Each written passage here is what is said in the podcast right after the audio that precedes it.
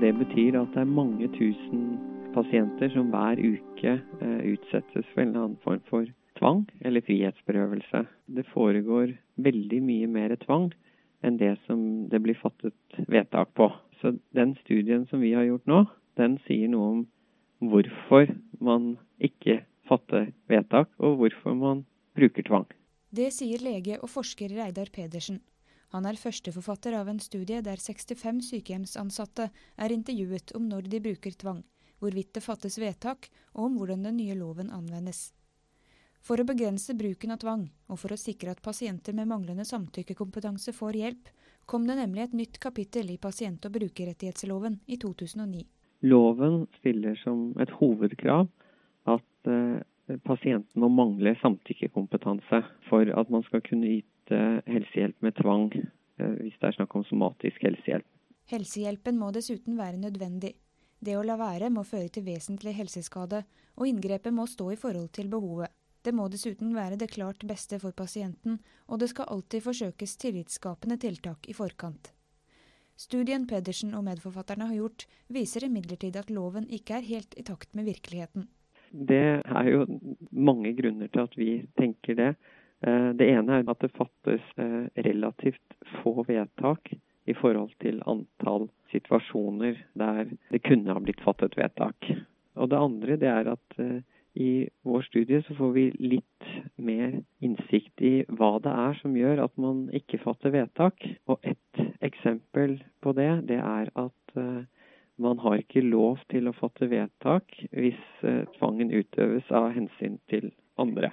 Det kan se ut som om det er et relevant hensyn i sykehjem, selv om det ikke er tatt med i loven. I psykisk helsevernloven så er det et lovlig hensyn, men da altså ikke i sykehjem hvis det er somatisk helsehjelp. Og det som er spesielt i sykehjem, er at du har fysisk sterke, men kognitivt svekket pasienter eh, sammen med engstelige og kanskje vergeløse medpasienter. Og den blandingen av pasienter gjør at det kanskje er et ekstra stort behov for å kunne beskytte noen pasienter mot andre i visse situasjoner.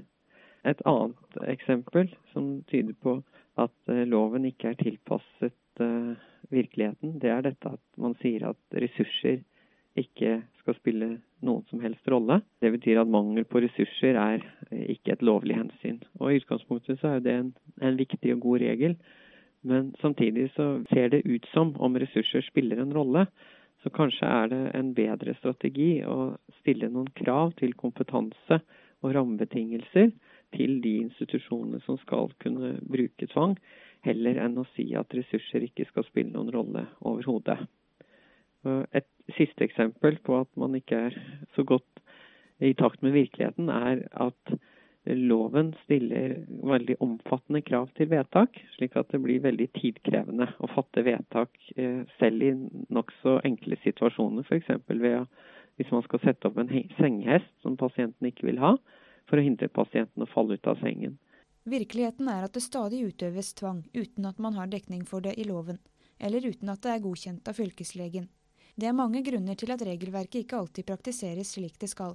En viktig grunn som deltakerne i vår studie nevner, det er at de føler de ikke har tid til å fatte vedtak. En annen ting er at de er usikre på hvordan lovverket skal brukes, og om den situasjonen de står i, om den faller inn under den type situasjoner hvor det er lov å fatte vedtak om tvang. Eh, og så er det noen situasjoner som de vet de vil få avslag på fra fylkeslegen eller Helsetilsynet i fylket. Og da er det noen som lar være å sende inn vedtak av den grunn. Eh, I tillegg så er det noen som oppgir mer sånn prak andre praktiske grunner, som tungvinte journalsystem osv. Medisiner i syltetøyet, tvangsfòring og låste dører. I sykehjemshverdagen er det mange situasjoner der tvang føles helt nødvendig for de ansatte, både for pasientens egen skyld, men også for medpasienters og de ansattes skyld. Det er at uh, pasientene yter motstand mot uh, medisinering, uh, og at helsepersonell tenker at det er så viktig å gi disse legemidlene at man likevel bør gi det. En annen ting er motstand mot stell, uh, pleie og rehabilitering. det kan være påkledning. Det kan være at pasienten vil gå ut med altfor lite tøy. Det kan være at pasienten ikke vil vaske seg etter å ha fått avføring over store deler av kroppen, osv. Og så er det også situasjoner knytta til ernæring.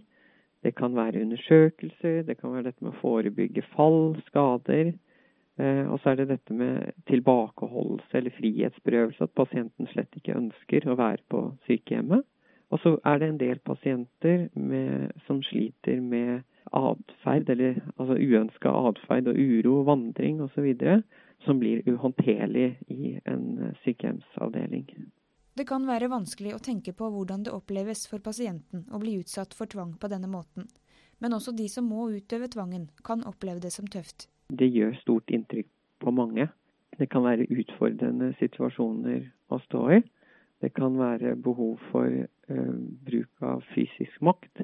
Det kan være emosjonelt krevende. Og man bruker ø, relativt mye omtanke og kreativitet for å forsøke å unngå at, eh, å bruke unødvendig tvang. Pedersen og medforfatterne konkluderer med at de nye lovhjemlene for bruk av tvang er bevissthetsskjerpende, men at de har et stort potensial for feiltolking og vedtaksvegring. Det som er viktig nå å diskutere, tenker jeg, er om det vi har funnet, stemmer overens med erfaringer andre steder. Eh, hvis det er slik, så tenker jeg at det er behov for å diskutere om det går an å lage en lov som er mer tilpasset eh, behovene ute i tjenesten. Enklere vedtak og enklere krav til vedtak er en god start, sier Pedersen. Han mener også at studien viser at norske leger og sykepleiere vet for lite om hvordan de skal vurdere samtykkekompetanse. Det hjelper uansett ikke med gode lover hvis de som skal anvende dem, er usikre på hvordan de skal anvendes. Eh, helsepersonell må få nok kjennskap til lovverket. Og så må de også gis eh, mulighet og verktøy til å drøfte gråsoner og tvil knytta til anvendelsen av lovverket. For uansett hvor gode regler vi har, så vil det være situasjoner som det er vanskelig å vite hva man skal gjøre i. Du kan lese artikkelen 'Bruk av tvang i sykehjem etter ny lovgivning' i tidsskriftet nummer 18. Der kan du også lese en tilhørende lederartikkel skrevet av professor Aslak Syse. I podkaststudio Eline Feiring.